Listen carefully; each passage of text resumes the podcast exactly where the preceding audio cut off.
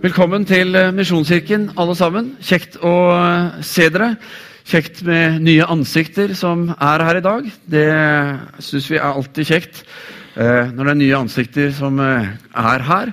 Og når gamle, kjente ansikter kommer tilbake etter å ha vært i, på New Zealand i fire år, er det vel? Kjempekjekt. Det er bra å ha familien Lautug Jacobsen tilbake. Velkommen til dere også.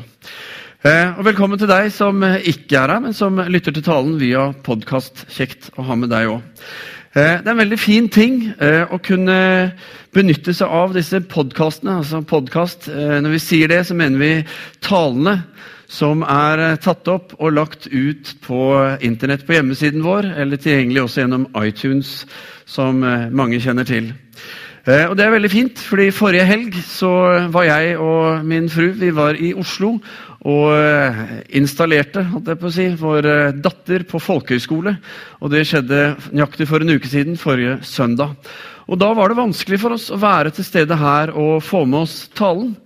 Eh, og når vi da kjørte hjemover og var kommet til Sinnes Vi kjørte over fjellet, var på Sinnes og liksom hadde solnedgangen og utsikten foran oss så kunne vi med et lett tastetrykk laste ned på telefonen talen og høre på Alexander, som talte forrige søndag, om dette med overgivelse.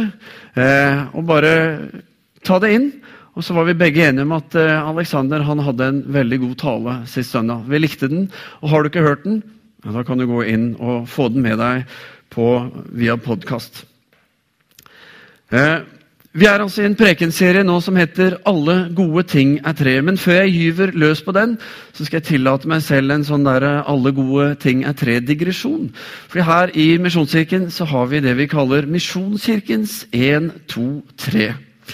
Og eh, det handler om eh, tre sånne hjelpeting som eh, vi tror vil gjøre det å gå i Misjonskirken enklere og bedre for alle som er her. Vi sier for det første 'kom på gudstjeneste'.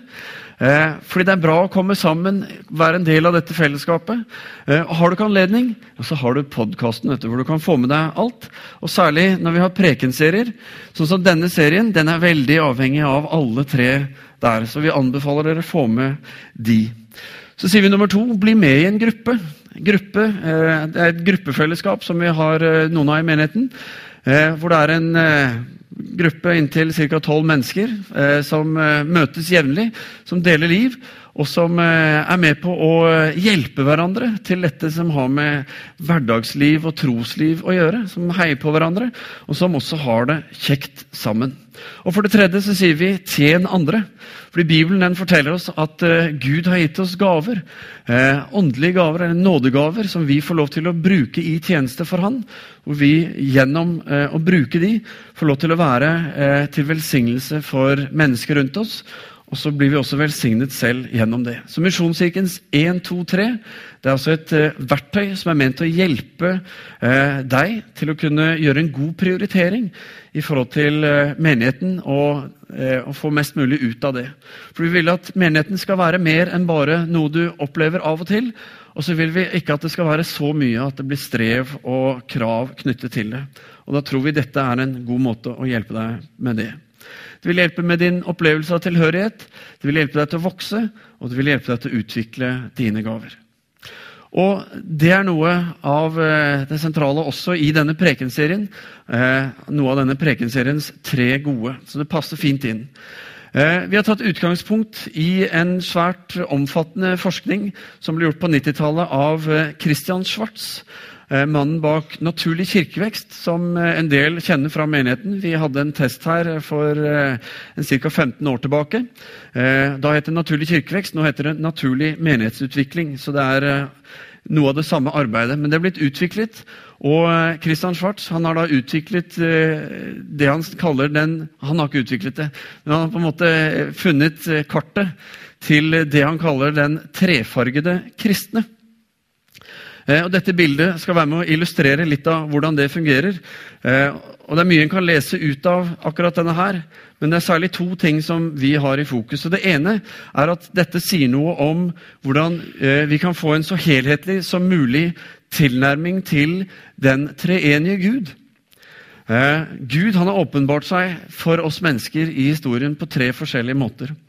Og Dermed er det også eh, menneskets eh, Altså Vår erfaring, vår kjennskap til og kunnskap om Gud, eh, vil derfor også skje innenfor disse tre forskjellige åpenbaringene. Altså tre forskjellige dimensjoner med hvordan vi ofte tilnærmer oss Gud.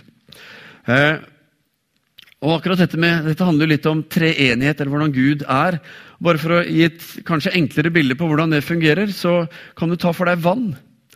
Vann det eh, møter vi i tre forskjellige former. Enten flytende vann, som du gjerne drikker eller tok en dusj i i dag morges. Eh, øker du temperaturen mye, så vil dette vannet fordampe, og du får det i form av damp. Eller hvis du senker temperaturen mye, så er vannet i form av is. Eh, det er alltid vann, men det opptrer på tre forskjellige måter. Eh, og for å bare, Som et bilde på hvordan Gud også eh, åpenbarer seg og virker eh, og møter oss, og hvordan vi av og til kan møte han eh, kanskje sterkere på en av disse enn på andre. Eh, så Gud han har åpenbart seg som skaper i historien. Skaper av himmel og jord. Vi kan si at Gud han er over oss. Og så har han åpenbart seg i Jesus som menneske midt iblant oss. Og så har han åpenbart seg ved Den hellige ånd eh, og har tatt bolig i oss, altså Gud i oss. Det andre fokuset som vi har, det handler om hvordan vi som mennesker eh, lærer Gud å kjenne, eller nærmer oss Gud. Eh, og Prøver å forstå Han, og det gjør vi gjennom eh, disse tre som vi har eh, som tema i denne serien. Som det er altså visdom, det er overgivelse og kraft, som vi da skal snakke om i dag. Og eh, Visdom er jo knyttet til eh, dette grønne feltet, som dere ser.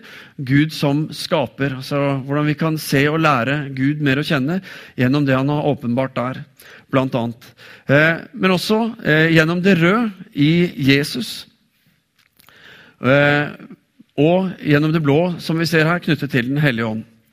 Enkelt sagt så kan vi si at eh, det grønne, det styrker Altså vi som er grønne, da det er noe poenget her. Ofte så er vi en av disse fargene, eller en kombinasjon av to av de.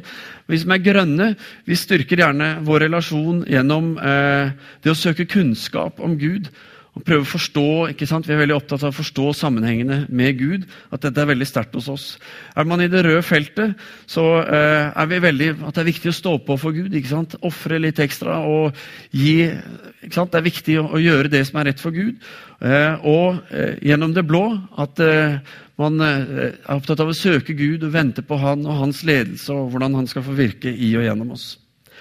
Og Så ender vi gjerne opp som en av disse ringene som dere ser på bildet her. Enten du er grønn, rød eller blå, eller du er i kombinasjonen av to av de, f.eks.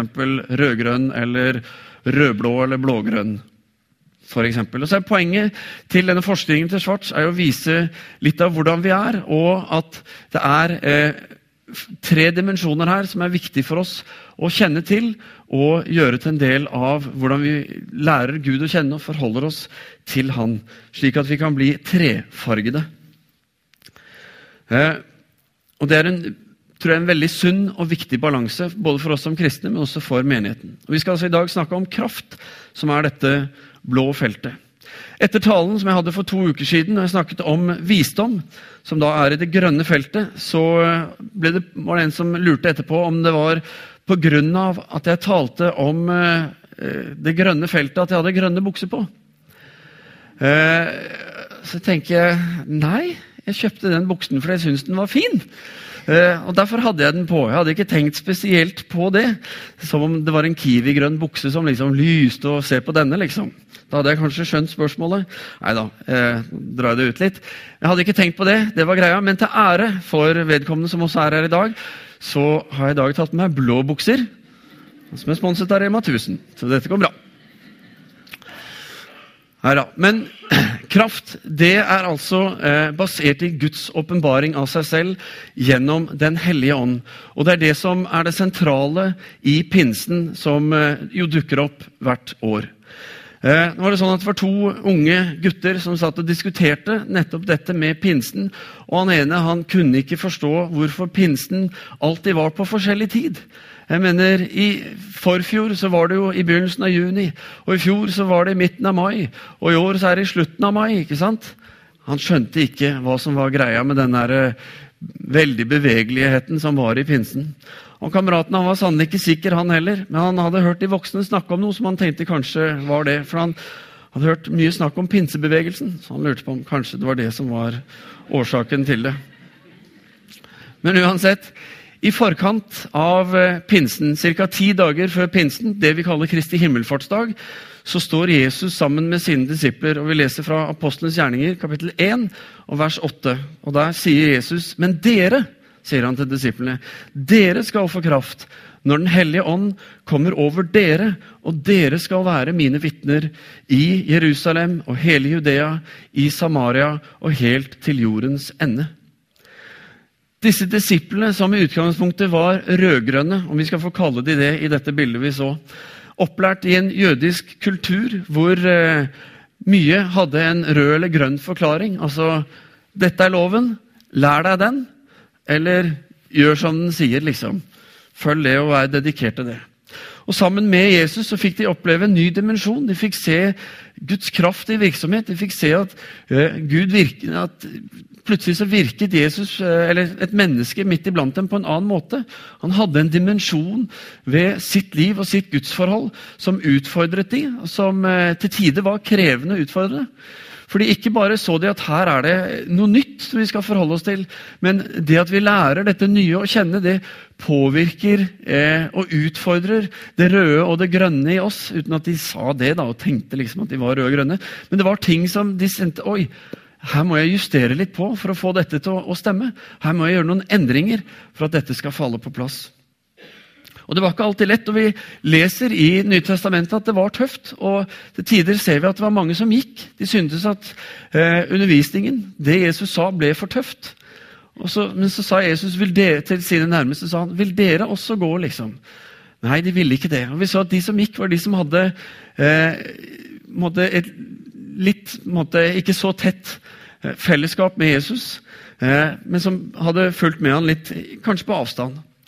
Men det er sånn med oss mennesker at de fleste av oss vi ønsker at Gud skal passe inn i de rammene som vi har i livet, for det er trygt for oss. Det er godt. Men samtidig så er det viktig for oss å vite at jo mer vi prøver å tilpasse Gud inn i våre rammer, eh, jo flere hindringer eh, og vanskeligheter skaper vi for oss selv i forhold til å forstå og lære Gud å kjenne. Men for disse da som eh, valgte å henge med gjennom tykt og tynt, så fikk de altså erfare Kristi himmelfartsdag. De fikk høre dette forberedende budskapet som Jesus hadde, om at snart skal Den hellige ånd komme, og dere skal bli fylt med Han. Dere skal få bæ være bærere i hverdagen av den kraften som eh, dere har sett i meg. Og det er den kraften som Paulus legger til senere, som sier den kraften som reiste Jesus opp fra de døde, den kraften er det som Gud ga, som han kommer i åpenbaringen ved Den hellige ånd.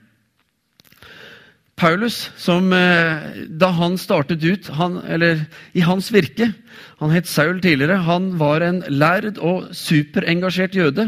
Eh, og var i noe av denne samme skal vi kalle todimensjonale, rødgrønne gudsforståelsen som eh, preget jødene. Ikke for å si at det ikke var noe blått, men eh, det var nok tydeligere der. Eh, og, det, å bare for å si det, helt æresord. Jeg snakker mye om rødgrønt og blått og forskjellig. Det er ikke noe politisk budskap i denne talen. Ikke vær redd for det. Jeg har ingen tanker i det hele tatt om å si noe sånt, men det passer i forhold til de tre rød, grønn og blå som vi har her. da. I tilfelle noen lurte. Men poenget er at Paulus han forfulgte de kristne. Han eh, fikk de fengslet, han, eh, og det førte til at de ofte ble pisket og straffet. Og var med, eh, var det noen som ble også drept for sin tro. Paulus syntes det var helt greit at de ble drept. For disse hadde jo kommet inn og prøvd å liksom rokke ved dette som vi var vant med. De holdt på å si noe om Gud som de selv ikke kjente til. ikke sant? Eh, som Paulus ikke kjente til, og som var vanskelig for jødene. Eh, Jesus eh, Ja, skal vi se, der datt jeg ut. Men Paulus han fulgte jo ikke Jesus. Han eh, Eh, om han noen gang eh, opplevde Jesus og hørte han, det vet vi ikke. Eh, han hadde sikkert hørt om Jesus. Men poenget er at eh, Paulus sitt første ordentlige møte med Jesus det skjer når han er ute og forfølger de kristne. Han, eh, vi leser om det i Apostelens gjerninger 9. Han er på vei inn mot Damaskus i eh, Syria. og Det er jo et sted som forfølgelser skjer den dag i dag i denne stund av de kristne.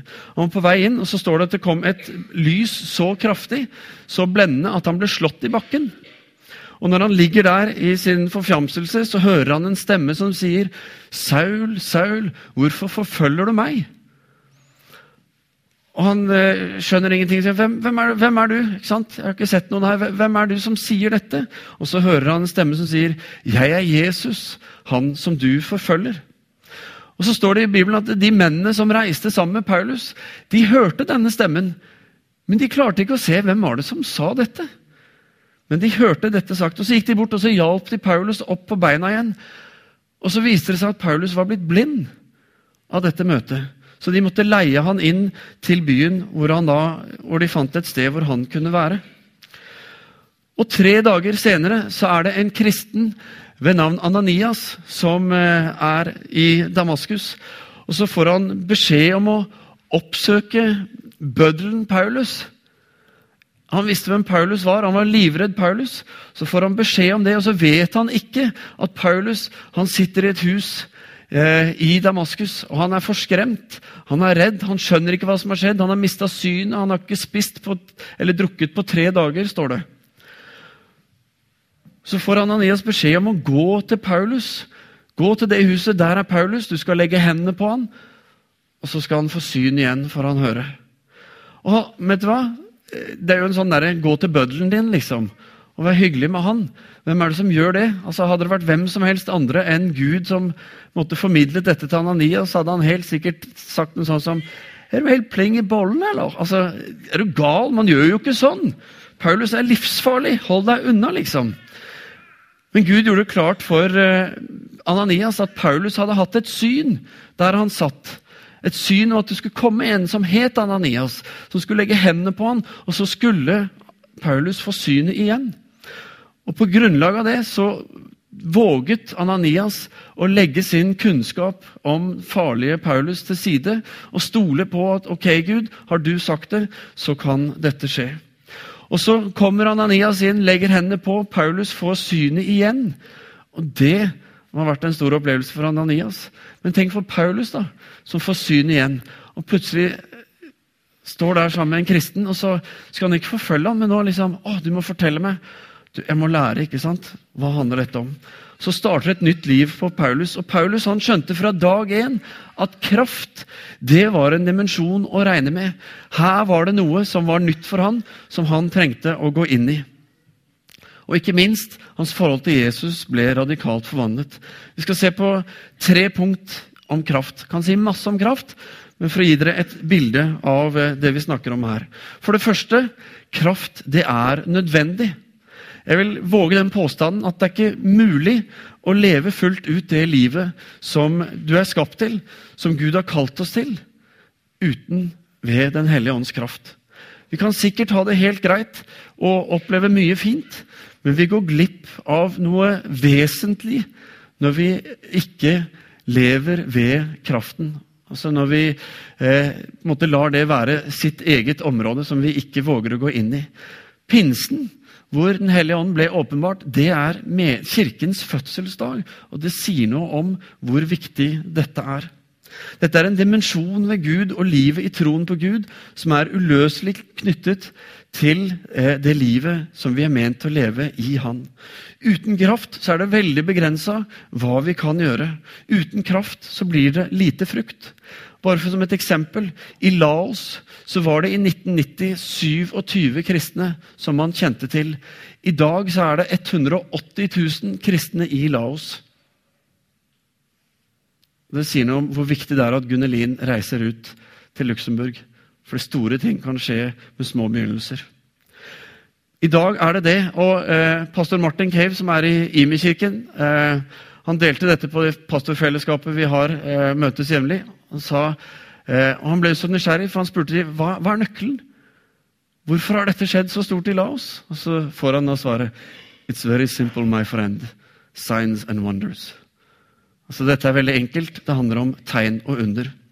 Og Hvis du er litt blå, så kan du lett tolke det svaret som en sånn Ja, men det er det jeg alltid har sagt! Vi må bare sette oss ned og vente på at eh, kraften skal komme, og så skal vi bare ut, og så tegn og under, og så er liksom alt i boks, og ferdig med det. Og så vet du hva? Det er veldig mye sant i det. Jeg tror vi hungrer etter det i menighetene våre i Norge og i livene våre som kristne. Men viktigere enn det er å åpne seg for Gud og la Han få fylle oss med sin kraft og at vi eh, sier 'Jesus, her er jeg. Bruk meg.' Eh, uansett hva det måtte være. La meg få lov til å leve i det du har for meg. Hadde Jesus bare utført tegnet under hele tiden, så tror jeg ikke han hadde opplevd at mange har sagt nei, dette er for vanskelig, nå går vi. Ikke sant? Men fordi han ikke bare gjorde tegn og under, men fordi han forkynte ordet, og fordi han eh, demonstrerte en så radikal overgivelse, så måtte man gå i seg selv og jobbe. Og så var det en del som ikke klarte å få det til å passe inn i sin ramme, så de valgte å gå.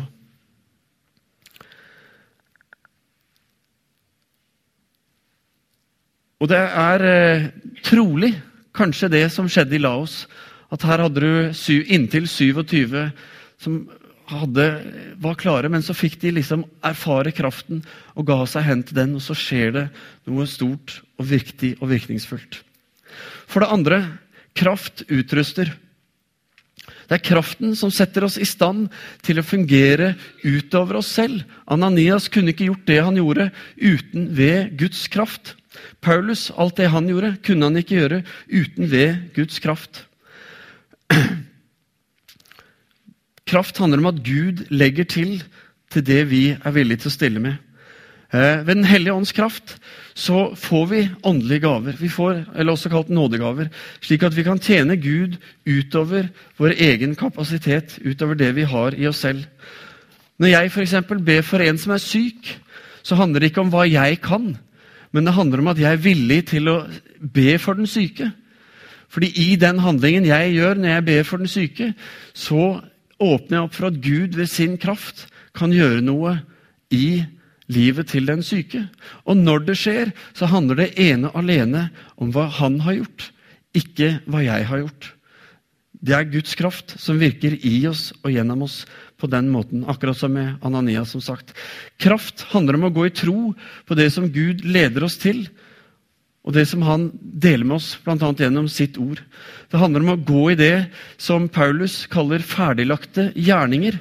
Ting som Gud har lagt klart for oss for at vi skal gå inn i. Og der er kraft eh, viktig for at vi skal få eh, være en del av det. For det er vanskelig uten. Eh, her for eksempel, i, Rett før sommeren så var vi på Menighetsviken. Eh, så jeg, satt jeg på morgenen på lørdagen og hadde min morgenstund med bønn. Og sånn, og så opplevde jeg at Gud sa til meg når du leder på kveldsmøtet i kveld, så skal du utfordre eh, de som er der, på at de skal ta alt det som de ikke forstår. Alle de vanskelige spørsmålene, det som gjør at eh, ting, det å måtte, gå til Gud er litt sånn komplisert og vanskelig. Legg det i Guds hender, og la Han få ta hånd om det. Ikke la det være noe som skiller, men la Gud få lov til å hjelpe deg med det. Og Så kom kveldsmøtet. Jeg ledet. Eh, taleren inviterte til forbønn. Og, eh, men det var liten respons. og Da tenkte jeg ok, Frode, hvis det Gud sa til deg i, i morges, virkelig var fra Gud, så er det nå du skal opp og trykke på den knappen og dele det. Og Så gikk jeg opp og så delte jeg det, og så så vi at noe ble forløst. For plutselig var det mange som ga respons. Og så fikk de et viktig møte med Gud. Fikk lov til å erfare hans kraft i deres liv. Og så handler det om hva Gud gjør. for Hadde ikke han sagt det til meg, så hadde heller sikkert ikke jeg fulgt opp på den måten. ikke sant? Men det er Gud som kommer og legger til. Det er han som utruster oss til å stå i det han gjør, til å bli en del av det han arbeider med i vår hverdag. Og for det tredje du er skapt til å leve ved Den hellige ånds kraft. Det er det som er designet ditt fra starten av. Det er mange kristne som innvender i møte med snakk om kraft og Den hellige ånd. Sier de nei, dette er ikke noe helt for meg. Jeg synes, jeg har liksom tenkt litt på dette, og nei, det er ikke helt for meg. Jeg har liksom min greie. Og vet du hva? Det er feil. Jeg sier ikke at det er synd eller galt. Det er helt naturlig å tenke og trekke de slutningene. For sånn er vi mennesker. Men det er allikevel ikke riktig. Vi er skapt til å leve fylt av Den hellige ånd. Nå eh, sier jeg ikke at det er eh, Når vi sier at det ikke er noe for oss, så handler det om at vi ofte har opplevd noe som har gjort at dette opplever vi vanskelig, eller at det er noe som vi, det, litt, altså det er frykt knyttet til det. Noe ukjent, noe utrygt. Og da er det bedre å få det litt på avstand. Og, som dere vet, kanskje i deres eget liv, i hvert fall er jeg sånn, at ting jeg frykter, det er jeg flink til å fase ut. Jeg er flink til å lage en eller annen god ramme og forståelse eller forklaring på hvorfor. Og veldig ofte så lager vi kristne en teologi basert på vår frykt for det vi ikke forstår. Fordi vi ikke våger å legge det i Guds hender og stole fullt på at Han skal komme og vise oss sin vei. Eh, men saken er den at det er dette vi er skapt til. Guds kraft i oss er muligheten for Gud til å handle i vår hverdag. At vi får lov til å være en del av å gjøre det overnaturlig naturlig. Fordi Gud er ikke bundet av det naturlige. Og Det er jo dette Jesus viser oss. Det er hensikten med det, hans åpenbaring. Det er å vise oss at her er det en ny tid. Men jeg tror at Kirken i dag lider under at den mangler kraft. Ikke bare kraft, men jeg tror kraft er noe som særlig i Vesten eh, er blitt eh, en utfordring for oss. Men det er viktig. Menigheten blir ikke den samme uten kraften, uten at du og jeg som kristne velger å gå til Gud og si 'Jeg trenger hele deg. Jeg vil at du skal fylle meg med din kraft.' Og så ber Paulus i Efeserne 3 en flott bønn, og to vers derfra så ber han 'Må dere bli fylt av hele Guds fylde'. Han som virker i oss med sin kraft og kan gjøre uendelig mye mer enn det vi ber om og forstår. Så for oss å se visdom, overgivelse og kraft. Hvordan det henger sammen. Og hvordan det er med på å skape en bedre balanse, en større forståelse av eh, nettopp det kristenlivet vi er kalt til å leve. Det tror jeg er viktig for oss. Det er en utfordring og en oppfordring som vi har lyst til å gi til dere, om å eh, la deg bevege din sirkel mer inn mot midten. Er du grønn, så se på det røde og det blå. Er du rødgrønn, så se på det blå. Osv. For alle de kombinasjonene som er. For dette er viktig. Det er avgjørende for oss som menighet. Og Når det gjelder dette med kraft, så blir det fort litt sånn mystisk eller voldsomt. Men det handler om at du sier Kom og fyll meg. Kom og fyll meg med din kraft. Og Oppfordringen er jo at når du gjør den bestemmelsen, om du gjør det i dag, eller eh, om dette er noe du trenger å jobbe litt med, sånn er vi forskjellige, så eh, vil jeg oppfordre deg til å oppsøke noen. Enten du nå etterpå eh, går ned i bønnerommet som vi har, hvor det er forbedre, som kan be om at du skal bli fylt av Den hellige ånds kraft og utrusta betyr ikke at Den hellige ånd ikke har virket i deg, men det å få Han, og at den kraften blir en del av livet ditt, det er viktig. Men oppsøk noen som kan stå sammen med deg og be med deg og hjelpe deg i den prosessen der. Og så Kraft er viktig. Overgivelse er viktig. Visdom er viktig. Skal vi be. Kjære himmelske Far, jeg takker og priser deg, Herre, for at uh, du kommer til oss, Herre og Du gir oss ikke bare en bok og sier 'les denne', Herre, men du har åpenbart deg, Herre, i historien. Eh, som skaperen, eh, som frelseren i Jesus, og som eh, Gud med oss eh, i Den hellige ånd. Hvor du eh, tar bolig i oss og lever i oss i vår hverdag. Herre, jeg ber om at eh, du skal hjelpe oss til å ta noen steg. hjelpe oss til å ta noen steg til å se dette for det handler ikke om å opphøre å være rød hvis man er det, eller grønn hvis man er det. Men det handler om å styrke den man er, ved å få en større forståelse og balanse i disse tre dimensjonene ved det kristne livet. Så Herre, hjelp oss. Og Herre, for alt som er av frykt, så har jeg lyst til å være frimodig i Jesu navn og binde den frykten. For det har du sagt i ditt ord, at det vi binder her på jorden, det skal være bundet i himmelen. Og så har jeg lyst til å løse ut, Herre, frimodighet, frihet, trygghet, nåde og omsorg og kraft fra det høye. Jeg ber om at frykten må vike i Jesu navn, og at eh, alle som søker deg og ønsker å bli fylt av deg, som ønsker å få en ny oppfylling av deg, som ønsker å bare overgi seg selv på ny, Herre, at de virkelig skal få erfare det, Herre. Herre, du kjenner hver enkelt av oss, Herre. Kom du og tjenestegjør i våre liv.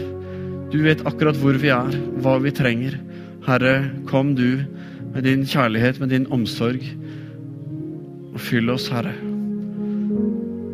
Skap i oss noe nytt, Herre. La oss ikke gå herfra uforvandla, Herre, eller uberørt, eller uten noe som eh, vi trenger å jobbe med, Herre. La oss alle få kjenne, Herre, at du har talt til oss, Herre. At du virker, Herre. For det trenger vi å erfare, Herre. Og vi trenger å se, Herre, at du virker i oss. Og at vi får lov til å modnes som vi tar steg og følger deg, Herre. Herre, velsign hver enkelt. Takk, Herre, for at du har kalt oss til å være menighet, til å utgjøre en forskjell. Det betyr noe for de menneskene som du har satt rundt oss i Stavanger, i regionen her, Herre, i landet vårt. Vi priser deg, Far, i Jesu navn. Amen.